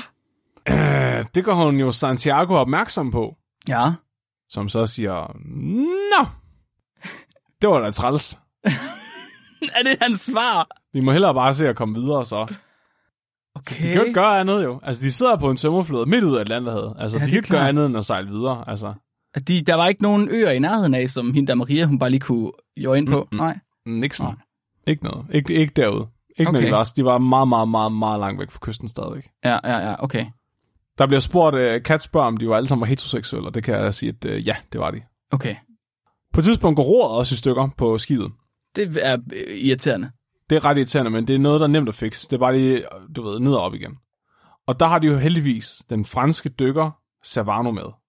Så det her det er en mega nem opgave. Det er bare lige en 2-3 meter under vandet, du ved, rive, ordne roret og så op igen. Mhm. Øh, hun øh, gør sig klar, og så er Santiago sådan, nej, det skal vi ikke have en kvinde til at gøre. Ej. Han ødelægger fuldstændig sit eget forsøg. Og det sjove er, altså, selvom han har opstillet forsøget på en måde, som skulle provokere mændene, så, bl- så bliver han stadig selv provokeret. Så han er sådan en rigtig macho mand med fuldskæg og hår på brystet, og han er sådan, du skal ikke dykke der. Du kan godt være, at du er professionel dykker, jeg er ligeglad. Du er ikke en mand. Nu skal er- jeg nok svømme ned og ordne det her. Han er det mest giftige menneske, jeg nogensinde har hørt om. Hvad er det for noget? Hvad er det for en sindssyg ting? Sådan, hvad, øh, hvad, hvad, hvad, undskyld, herr Santiago, hvad er din profession? Hvad har du af, af, af grunden til, at du skulle kunne dykke ned? Jeg er social antropolog. Ja, præcis, præcis, du er den blødeste af alle forskningerne. Hvad fanden? Jeg har engang været, jeg har engang været med ud og sejle på en båd, der var lavet ud af papir hen over vandet. Det var ikke bare bare af sejlede båden, men jeg var med. Jeg var med på den. Så jeg, så jeg læst rigtig mange bøger, hvor jeg lige snublede over nogle gode idéer til det her eksperiment. Jeg har, jeg har for eksempel hørt, jeg ved for eksempel, hvad dykkersyge er. Det har jeg hørt, det har jeg læst. Det Ja, man skal bog. passe meget på, når man dykker ned på to meter, men ikke får dykkersyge.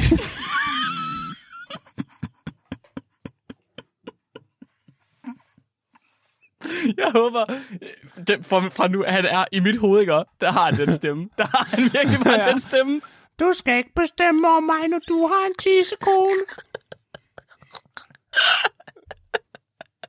Det vil jeg simpelthen ikke have, min tissemand. Skal bestemme sig over en tissekone. Så nu hopper min tissekone ned, tissemand, ned i vandet og ordner det. Det på et øjeblik. Du må gerne, du må gerne gå over og sidde skide ned i vandet, mens jeg svømmer. Det gør ikke noget.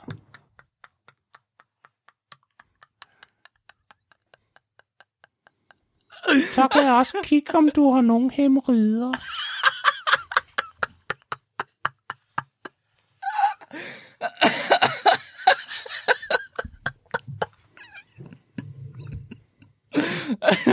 Okay, så, så Santiago han hopper selv ned og fikser der. Hvordan går det for ham? det går rimelig dårligt, fordi det her dykkerudstyr, det passer til en 23-årig kvinde. Og han er en troede det? voksen mand. Hvem skulle have troet det? Hans fuldskæg gjorde sådan, at masken ikke kunne lukke til, så der kom vand ind. Ja, du kæft. Og han, var lige, han kom ikke engang under vandet, før han var ved at drukne. Og de var nødt til at trække ham op. Så om, om, tidligt om morgenen vågnede, vækkede de alle sammen hinanden og lå Santiago sove, og så holdt de vagt, og så gik, så gik så Savano selv ned i, sådan, i mørket og ordnede det på fem minutter. Er Og da han sindssygt. opdagede det dagen efter, gik han fuldstændig amok. Hvorfor? Hvorfor lige været drukne uden at komme under vandet? Ja, fordi at de havde ydmyget ham på den måde, ikke? Det, han, han, han skulle ydmyges. Han, øj, han skulle lære noget respekt, skulle han. Skulle Philly Handkatten lære noget respekt Ja, for snøvsen da. for snøvsen med. Åh, oh, por. Da hans spørgeskema her ikke rigtig giver nogen resultater undervejs, så opfinder han nogle nye. Han gør dem sådan lidt mere øh, eksplicite. Så i stedet for at lægge fingre imellem, så øh, handler det meget om med... Øh... Hvem vil du, Nå, undskyld. hvem vil du helst bolle med? Eller måske også, hvem kan du fortælle mig, hvem du gerne vil slå ihjel? Bare sådan, du behøver ikke gøre det. Bare hvem du har mest lyst til at gøre det imod. Det skal, alle- du skal vælge en. Alle skrev Santiago. Ja, og det var, han blev pisse sur. Han, på den ene side ville han have, at de svarede hudløst ærligt, men han blev pisse sur, hvis de skrev noget dårligt om ham eller båden i spørgsmålet. Sådan, du ved, hvad havde du mest ved den her tur? Båden. Sådan, Nej, hvordan kunne han blive sur over, at de havde båden? Han havde ikke lavet båden, for at de skulle have Jo. båden. Jo, Hvordan kan man blive sur over det? Hvordan kan man være, hvordan kan man være så forfærdelig, det menneske, der bliver sur over, at de havde den ting, de skulle være sur over? det er fantastisk. Jeg forstår ham ikke. Han får endelig resultater, Mark. Der sker endelig noget. Fordi. Okay. en dag, der fanger de en haj. Okay, ja. Og han beskriver det bare som det her morderiske voldsorgie, hvor de flår det bankende hjerte ud af den levende haj, og bare kommer løbende med en økse og sprører ved kødet, mens det stadig er varmt af liv. Og de var bare sådan, du ved, vi fangede en haj, sådan, du ved, lad os æde den. vi, er ude på havet, hvor er der mad henne, ikke? Ja, ja. han, han beskriver det her. Han diagnostiserer dem med massehysteri. Okay. Han er bare sådan, de var ikke længere individer. De var et kollektiv, et farligt kollektiv. Han Ha. blev så bange over det her, at han gemte øksen om natten, så de ikke skulle slå ham ihjel. Ligesom hegn. Men efter hegn, Mark, Ja. sker der ikke mere. Der sker der ikke mere overhovedet. De er nogle svumpukler. De har mistet interessen i hans forsøg. De er en flok børn, der ikke støtter ham. De er blevet dogne. Det er som om, de bare laver ingenting på den her båd, hvor der ikke er noget at lave på. Det er da herre tralleren. Mm-hmm. Så han indkalder til et møde. Nu skal der ske noget, Mark. Nu skal der ske noget. Så er der øråd. Nu skal der lege sandhedsleg. ja. Hvad tror du, han gør for at spice tingene lidt op? Åh oh, nej, hvad... jeg, jeg har vidderligt alle og ingen idéer. Jeg tror, han gør alt, men jeg tror også, han gør ingenting. Altså, jeg... hvad gør han? Jeg, jeg, det er sådan lidt, sætter han nogen op imod hinanden ved at sige, at øh, hende der har i virkeligheden været sammen med ham der, og ham der har også været sammen med ham der, og Santiago har selv ikke været sammen med nogen som helst. Hvorfor er der ikke nogen, der gør noget ved det? Hvorfor er der ingen, der gider bold med Santiago? Det kan han ikke forstå. Hvorfor må han ikke kigge på folk, når de skider over reglingen? Hvad er det, der sker? Det er, det er faktisk virkelig spot on, Mark. Bortset fra, han, ja, han ved jo ikke, der er nogen, der har bumper lumbaret. Nej, nej, det er derfor, jeg tænker, han bare løg. Ja, okay. Nej, det gør han ikke. Han sætter sig ned med deres spørgeskema, og så begynder han at læse højt for deres svar. Hold nu op! Hold nu op! Det er regel nummer et inden for studier. Du må ikke vise resultaterne til de forsøgspersoner, før studiet er færdigt. Præcis. Og du, du kan lige så godt glemme alt om, at de svarer ærligt efter det punkt. Præcis! Hvad skal de... Hvad, nu, nu bliver det holdt imod dem. Hvorfor skulle de nogensinde gide at være med i hans studie mere nu? Mm. Okay. Så Hvad, han, hvad, sæ- han, han, han sætter sig ned, ikke? Så øh, du ved, Edna, ikke? Hun vil rigtig gerne bolle med Rosé. Men Rosé synes, at Edna, hun er den mest irriterende, fordi hun snakker så meget. Det var bare sådan, Åh. Åh. det, øh, de var bare sådan, nå ja, de blev bare, nå okay, ja, du ved, de var sådan alle sammen, okay, hvad så? Skal De vi var, sådan, helst? de, var, de var så gode venner alle sammen, at de bare var sådan, nå, du ved, det var bare, fordi jeg skulle vælge en. Ja, okay, godt. Ej, hvor... Mit hjerte går ud til de mennesker. Hvor er det her så synd for dem? Hvor er det forfærdeligt? Hvordan at de ikke sammen er gået sammen om at skubbe ham ud over kanten, det forstår jeg ikke. ah, ah, okay, Så øh, han indkalder, han, han, det virkede ikke det her møde. okay. Så han prøver nogle andre ting. Han øh, smider på et tidspunkt en spand koldt vand i hovedet på en af kvinderne. Han øh, går over til øh, hende her kvinde, den afroamerikanske kvinde, som jeg har glemt, hvad hedder. Shay, var det ikke sådan? Hun hedder Faye. Faye.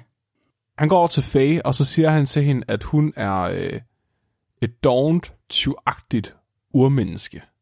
Uh. Fordi hun er sort, Mm, mm-hmm. Ja. for at provokere mm-hmm. hende. Ja. Så det, det, det, det er måske her, man prøver at bortforklare sin racisme som værende en del af eksperimentet. Han øh, går også over til hende og siger, at øh, hun burde da lige øh, have sex med Bernardo, fordi han er også sort. Du er et dovent, tyvagtigt urmenneske. Du burde have sex med en person på min anbefaling. Fordi I begge to er dogne urmennesker. Ah, jeg er virkelig, virkelig, virkelig, virkelig glad for, at den her person ikke har vundet en Nobelpris.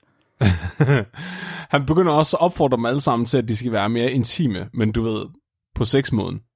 Han begynder at opfordre dem til, ja, han siger til dem, at de burde, han, kan du ikke lige, de burde bolle?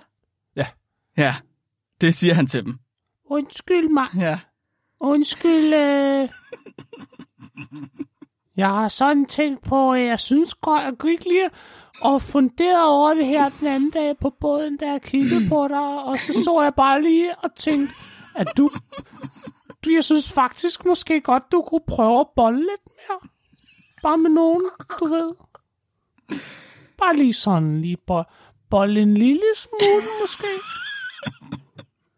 Og så øh, når du er færdig, eller når I, at du går i gang, så kan du lige hente mig, fordi så skal jeg nok lige tage nogle noter imens. Du skal bare lade som om, jeg slet ikke er der. Det gør jeg, jeg kigger ikke. Lover jeg ikke kigger. Jeg, ly- jeg lytter kun, og lugter måske lidt.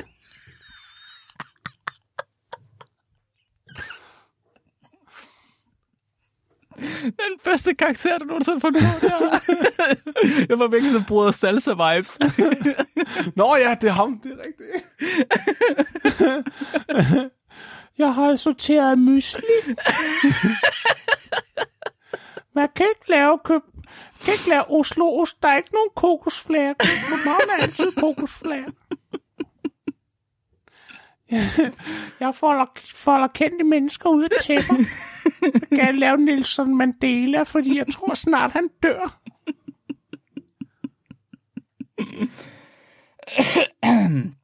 Så han, han, han fornærmer dem, og så fortæller dem, at de skal bolle noget mere. Ja. Hvad får han ud af det? Ikke særlig meget, fordi Nej. Nej. han har ligesom ikke fattet, at du ved, han skaber en usikker stemning og en fælles front, ligesom du snakkede om. Ja. At de alle sammen bare bliver enige om, sådan, fuck han er nederen, og så kan de ligesom få afløb for alle deres frustrationer ved bare at hade ham. Mm-hmm. Heldigvis, Mark, så behøver han ikke prikke mere til myretuen. Fordi det skal den her orkan nok gøre. Åh oh, nej, hold nu op. Det er virkelig en lortetur, det her. Ja, nu nærmer de sig Mexico. Og øh, Maria, hun vil lægge til på en af de her øer, der er øh, ikke, altså du ved, et godt stykke ud fra kysten. For simpelthen at, at komme i sikkerhed hurtigst muligt, inden den her orkan, den når dem. Mm-hmm. Men øh, du ved, på den ene side, så vil Santiago ikke kontaminere forsøget. Og med kontaminere forsøget mener jeg ikke blande sig personligt. Nej, men den har jo Han mener, at det vil kontaminere forsøget, hvis de kommer i kontakt med andre mennesker på øen.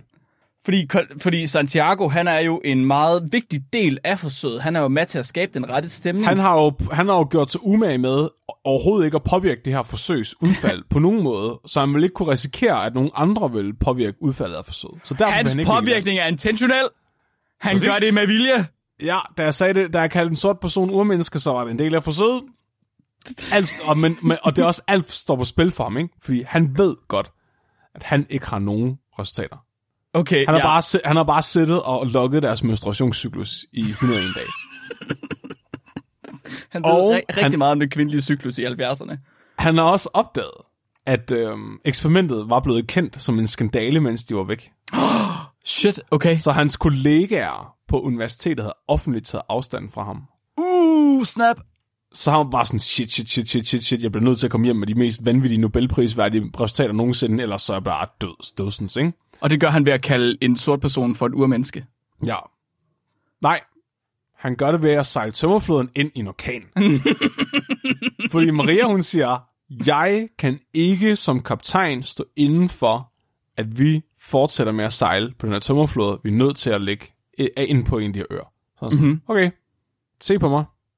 Jeg er kaptajnen nu. Nej, hold nu, hold nu op. Han er, han er det værste mand i mænds historie.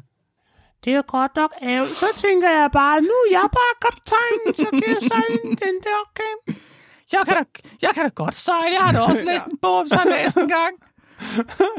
Så alle sammen låser sig inde i, i det her, den her soverum, sovekasse, Ja, og binder, binder alt, hvad de kan fast, og så sidder de bare inde og venter. okay. Og så står Santiago alene ude ved roret og styrer dem mod den her fucking orkan. Så jeg tænker, det her, det er godt nok en god idé. Det får de er sikkert i gang med at have.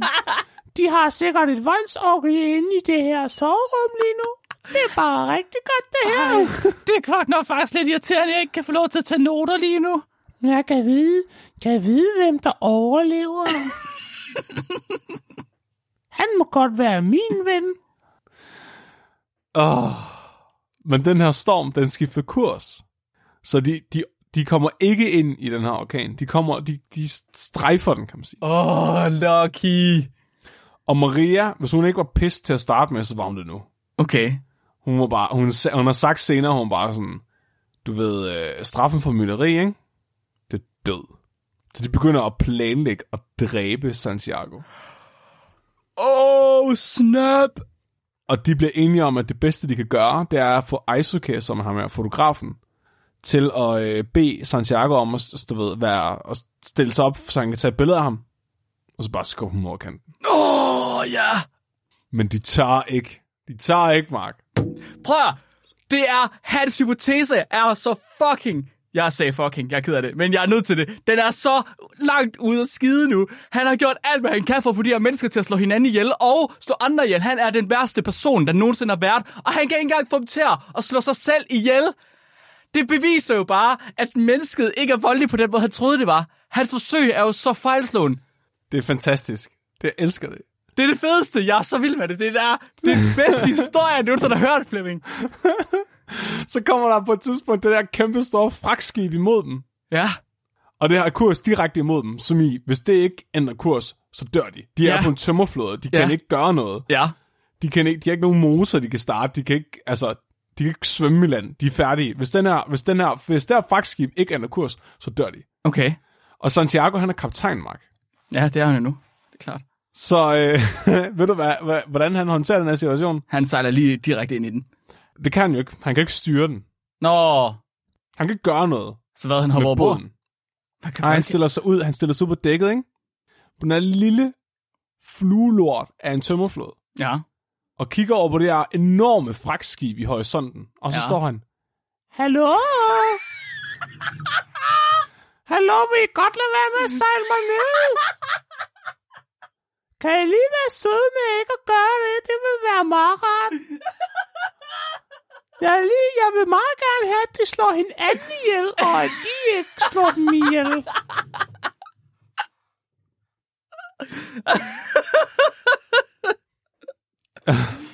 Og det, og det virker. De hører ham. Maria er med på båden, ikke? Og ser bare, at han står ude på dækket og råber, oj, oj, oj, oj. og så er hun bare sådan, hun begynder bare at tage styring. Hun er bare sådan, fuck this shit. Så begynder hun bare at give alle ordre, og de alle lytter bare til Maria. De var sådan, fuck this shit. Så Ja. hun, får, øh, hun får en af dem ind øh, og får dem til at kalde over radioen konstant. Jeg tror, det var Faye. Hun får en ud til at altså, stille sig op på taget og stå med et nødblus øh, mm-hmm. og, og vinke med det hen over båden, så de, øh, så de ser dem. Jeg kan lige til at tænke på ham igen. Mens Santiago står, Hallo, det... De er så ikke færdige med at dræbe hinanden endnu.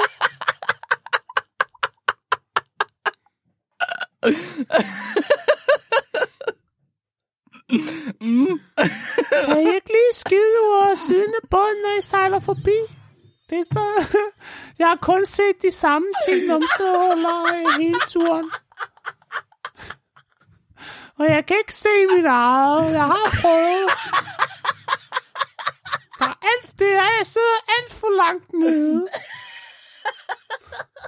Jeg kan ikke mere. er du ikke snart færdig? Jeg kan ikke.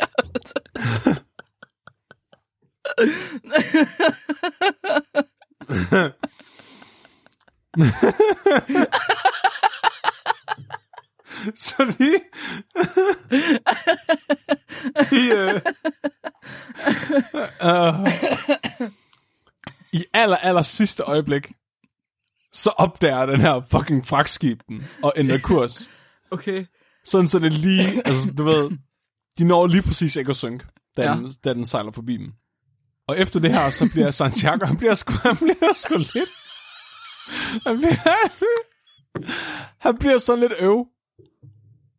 Øh, han, øh, han stopper med at dele spørgeskemaer ud. Han stopper med at tage noter. Stop med at kigge på dem. Ja, han, øh, han, øh, han er bare sådan, Jeg tror, jeg er blevet... Jeg er vist blevet lidt syg. Lægger mig bare lige ind og, øh, og slapper lidt af. Så vi var sådan...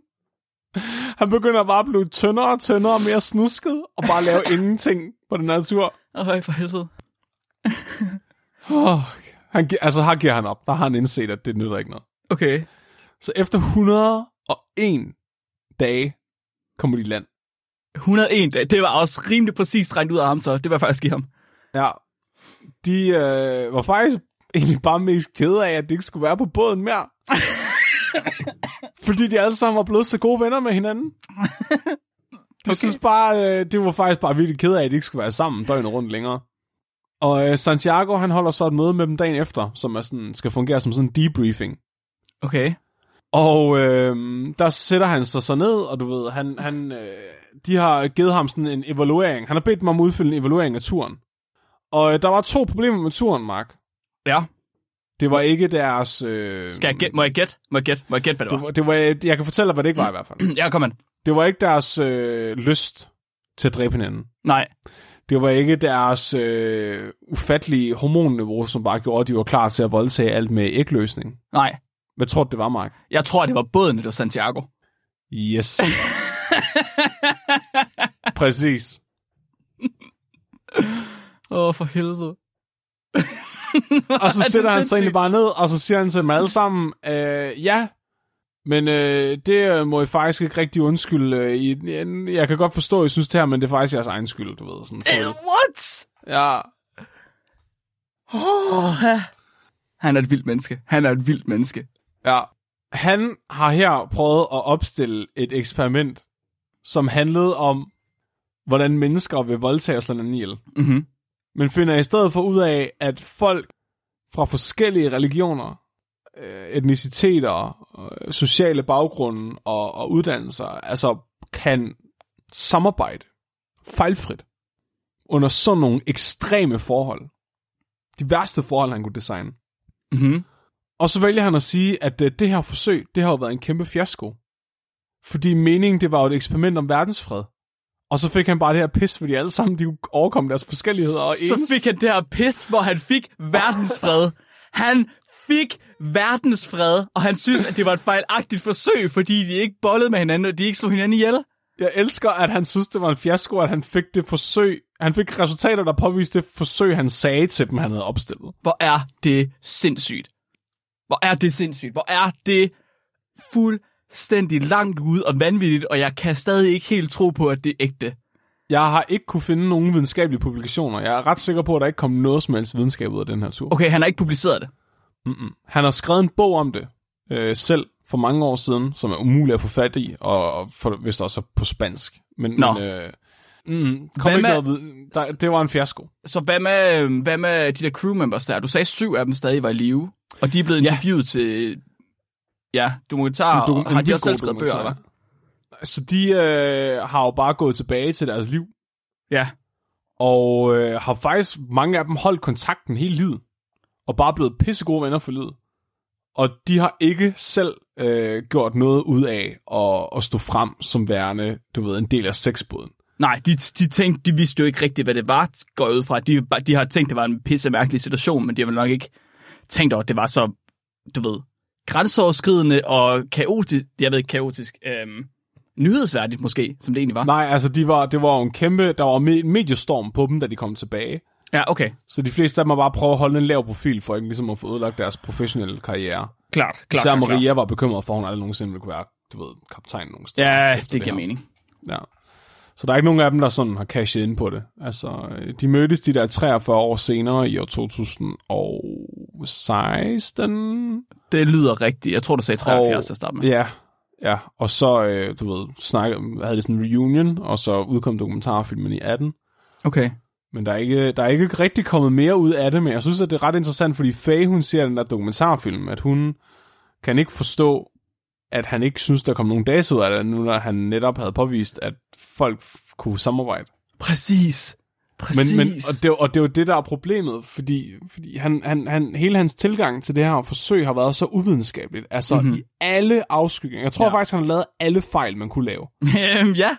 Øh, men den største fejl, han har lavet, det er måden, han har indsamlet sine data på og opstillet sin hypotese, Ja. synes jeg. Ja. Så hypotesen er, du ved, er aggression i generne, eller er det tilladt?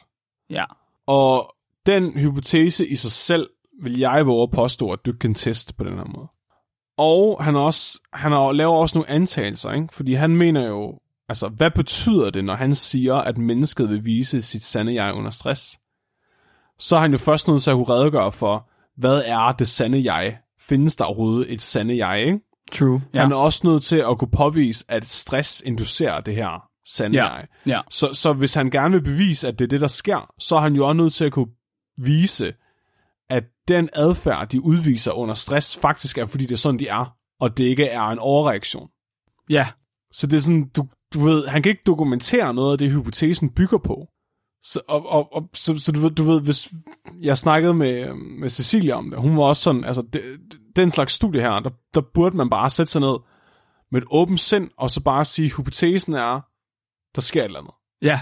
Og så bare, du ved, som han gjorde, altså at logge alting, men så lave nogle, nogle mere, altså du ved, almindelige spørgeskemaer. Han har været fuldstændig, han har været fuldstændig sindssygt biased, altså confirmation biased. Han har tænkt, der kommer noget ud af det her, noget meget specifikt, og jeg skal have det specifikke ud af det her studie. Så nu trækker jeg alt, hvad jeg kan, for at få det her meget specifikke ud af det her studie her.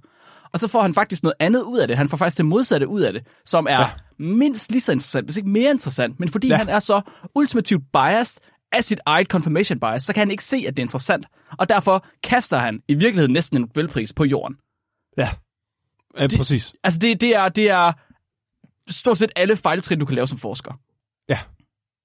Det, er- det er, og ja, og også bare måden, han har indsamlet de der data på, ikke? Altså, det er så, det, det er så biased, at alle de her spørgsmål, de har handlet om noget med onani og sex og vold, og Ja, altså, ja, ved, ja.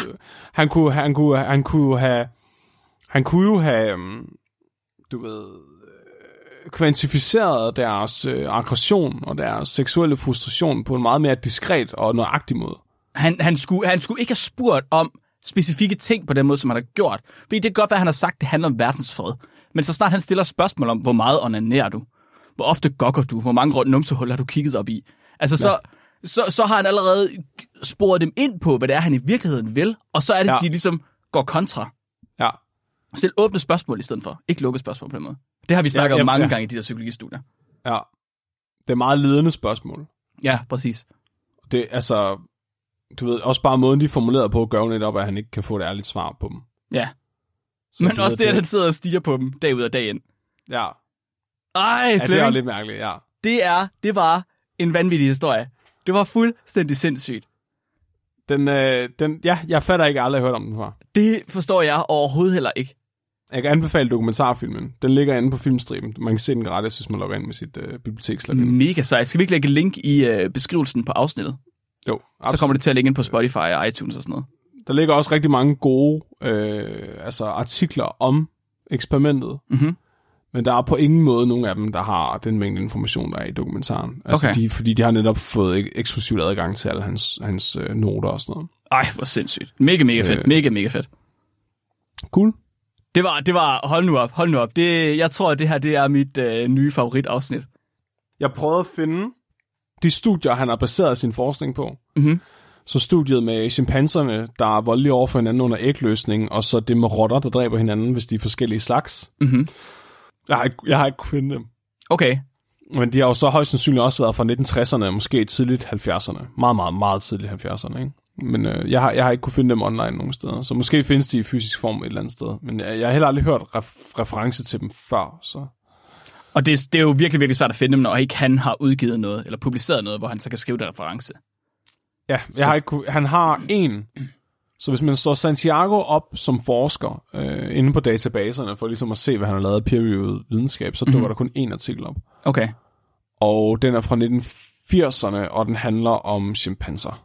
Og Sådan. den handler faktisk ikke om aggression. Den handler bare om chimpanser generelt, så vidt jeg husker. okay så hans øh, kvalifikationer, de er til stede. De ligger der. Han ved rigtig meget om det her emne, han er gået ind i og har fået folk til at sejle for i 100 dage. Han- er en stor mand. Han var en rigtig mandemand En rigtig mandemand. på et alle dårlige måder. Hvor er det vildt, at du bare fandt den sådan lidt tilfældigt. Altså, Flemming, det var jo en perfekt historie til vores øh, etårs fødselsdag for videnskabeligt udfordret. Det var helt perfekt. Jamen, det er jeg glad for, Mark. Meget, meget, meget smukt. Åh, jeg ved godt, vi er øh, halvanden time inde. Øh, skal vi tage et lytterspørgsmål, eller skal vi runde af for i dag? Skal vi ikke tage et lytterspørgsmål? Kom Okay. med det. Vi har jo ikke travlt. Og det er, Så har det vi er to lytterspørgsmål i dag. Hvordan, hvordan er det gået med ikke at bande? Hvordan synes du, det er? Øh, du gjorde det ringere, end jeg gjorde, vil jeg sige. Det er Faktisk. ked af. Ja. Men, øh, Må jeg, må jeg sige, må jeg lige have lov til at sige noget til Hanne? Hanne, vi kunne godt lade være med at bande, men vi har ikke lyst.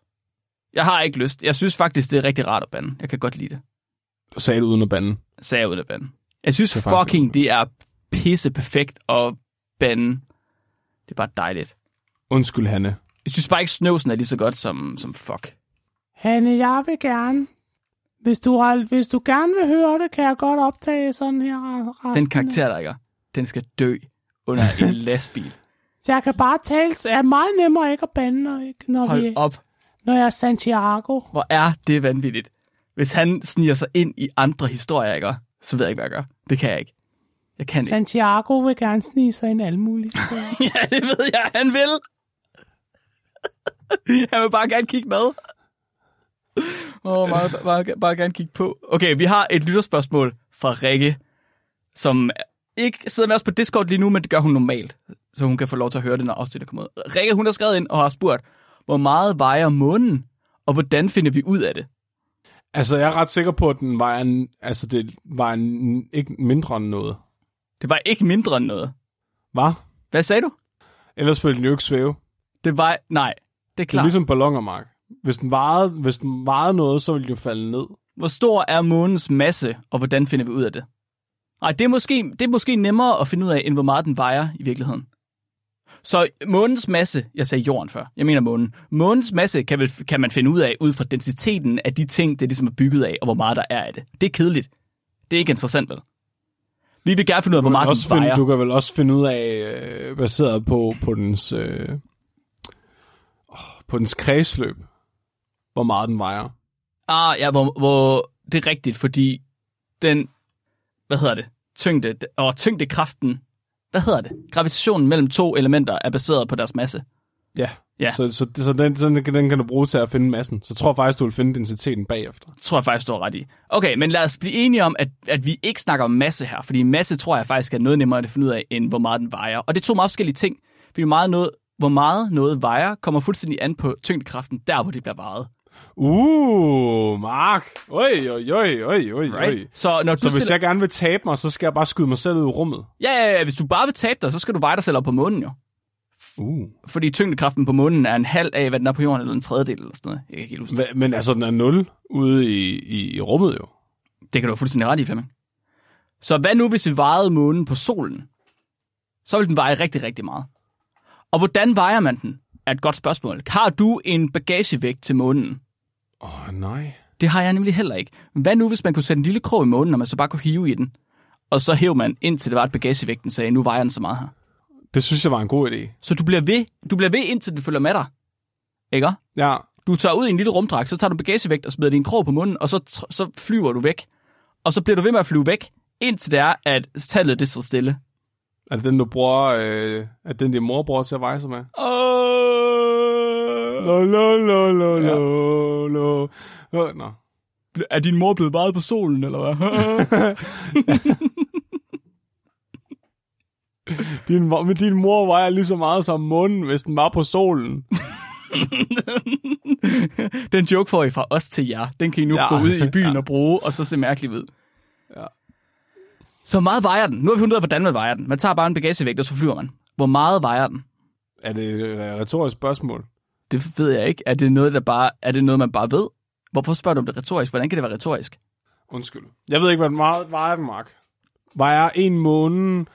Hvis du har en måne af fjer, vejer den så det samme eller, eller noget andet end månen ud af bly? Mindre. Fordi du sagde Nej, fordi de vejer det samme, Mark, Jamen, fordi begge ja. to er månen. Nej. Fordi det er et volumen, og ikke, det er jo præcis det hele spørgsmålet går på, Flemming. Nå. Jeg tror, den vejer 2 gram. To gram på, må- på solen. Nej, ikke på solen. Når du flyver med den. Nå. Hvis du går op og sender bagagevægt i månen, og så begynder at flyve, så var den 2 gram.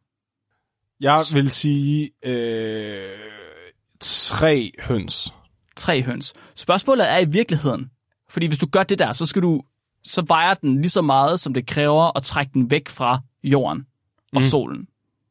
Kan du komme ud et sted i rummet, hvor du er så langt væk fra alle andre ting, at du ikke har noget modstand fra tyngdekraften til andre objekter? Det er godt. Kan man ikke det? Det ved jeg Tror jeg ikke. godt, man kan. Vil den så begynde at tiltrække sig dig? Uh. Åh, det, det forstår jeg slet ikke. Gud, hvor mange høns, man skal sætte op på månen, før den falder ned. Tre. Det er et godt tal. Jeg tror, det er tre høns. Ja, så hvis du bare var i et to- tomt rum, Ja. uden noget, Ja, sammen med månen, ja. Der er månen så klask sammen. Hvilken klasse? Nå, dig og månen. Ja, det tror jeg. Det er The Big Crunch, det tror jeg, Mark. Det Big Crunch, det sker. Vi har forudset det. Det sker om 80 år. Der sker det Big Crunch. Med Flemming og månen. øh, ja. Det var en meget øh, udført forklaring, Mark. Tak. Det må jeg sige. Jeg har tænkt meget længe over det. Tusind tak for spørgsmålet, Rikke. Vi er rigtig glade for, at I stiller sådan nogle gode spørgsmål til os, som vi er meget kvalificeret til at svare på. Ja, voksen svar. Øh, voksen svar. Huha, Flemming. Vi skal have vurderet sidste uges afsnit på Gargometeret. Så sidste uges afsnit, afsnit 72, 52, my bad, som handlede om øh, japanere, der drak sig stive og fandt en ny superkonduktor, og øh, danskere, der skød sig selv ihjel med fyrværkeri.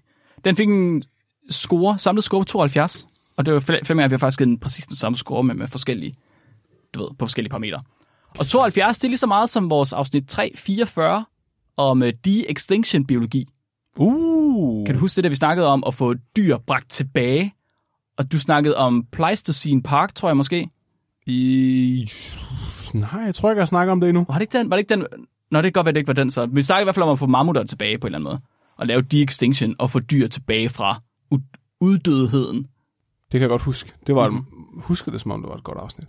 Det er i hvert fald fået 72 på, øh, på barometeret, så det synes jeg, man skal dykke tilbage og høre, hvis ikke man har hørt det endnu. Sådan. Ja. Goody, goody, goody, goody. Øhm, næste uges afsnit, det skal handle om, hvordan dyr har udviklet sig på grund af klimaforandringer. Og det lyder måske ikke sådan, måske tænker man, åh, klimaforandringer igen, eller evolution igen. Bare rolig, det er ikke. Der er en forsker, der har taget geckoer, og så har han pustet til dem med en, øh, en blad, hvad hedder bladpuster? Leafblower. Øh, ja, tror, det hedder En det omvendt støvsuger. Der er en forsker, der har lavet et studie i, på sit hotelværelse, hvor han har pustet geckoer væk med en omvendt støvsuger, Sådan. for at se, hvordan de har udviklet sig i forhold til klimaforandringer. Det skal vi snakke om i næste uge. Flemming, er der noget, du vil sige til folk? Jeg vil gerne sige tak til Bannehanne.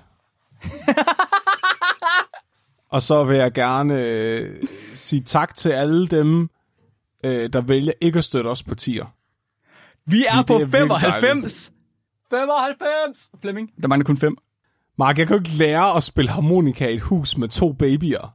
Det var ikke mig, der sagde, at jeg ville lære at spille harmonika, når vi Prøv at høre, Mark, jeg- 100.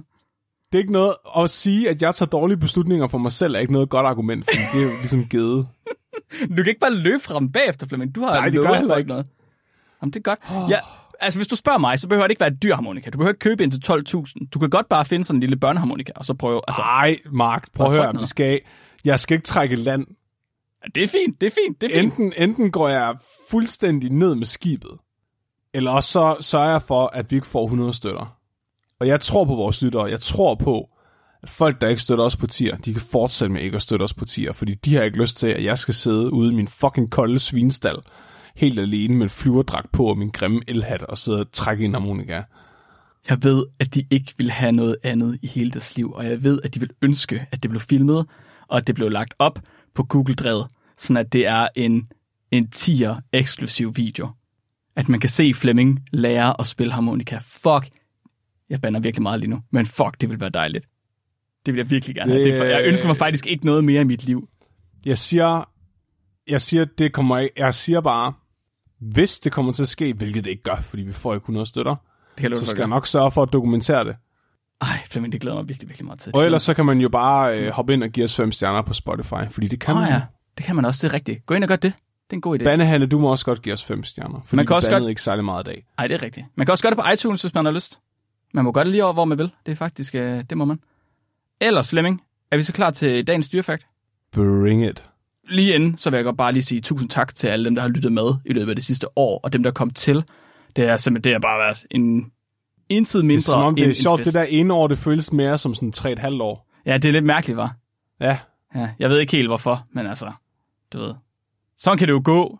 Det har i hvert fald været dejligt det sidste år også. Også de Ja. sidste tre et halvt år. Og det bliver kun endnu mere det næste år. Dagens dyrfakt, den er sendt ind af Thijs. Tusind tak for det, Thijs. Og Thijs han har skrevet ind, at den røde brandmand kan blive op til 37 meter lang, inklusive dens brandtråd. Det er længere end en blåval. Den røde brandmand, der kan brænde dig, så du skal tisse på dig selv, det skal den lade være med. den kan blive længere end en blåval. Stop med det.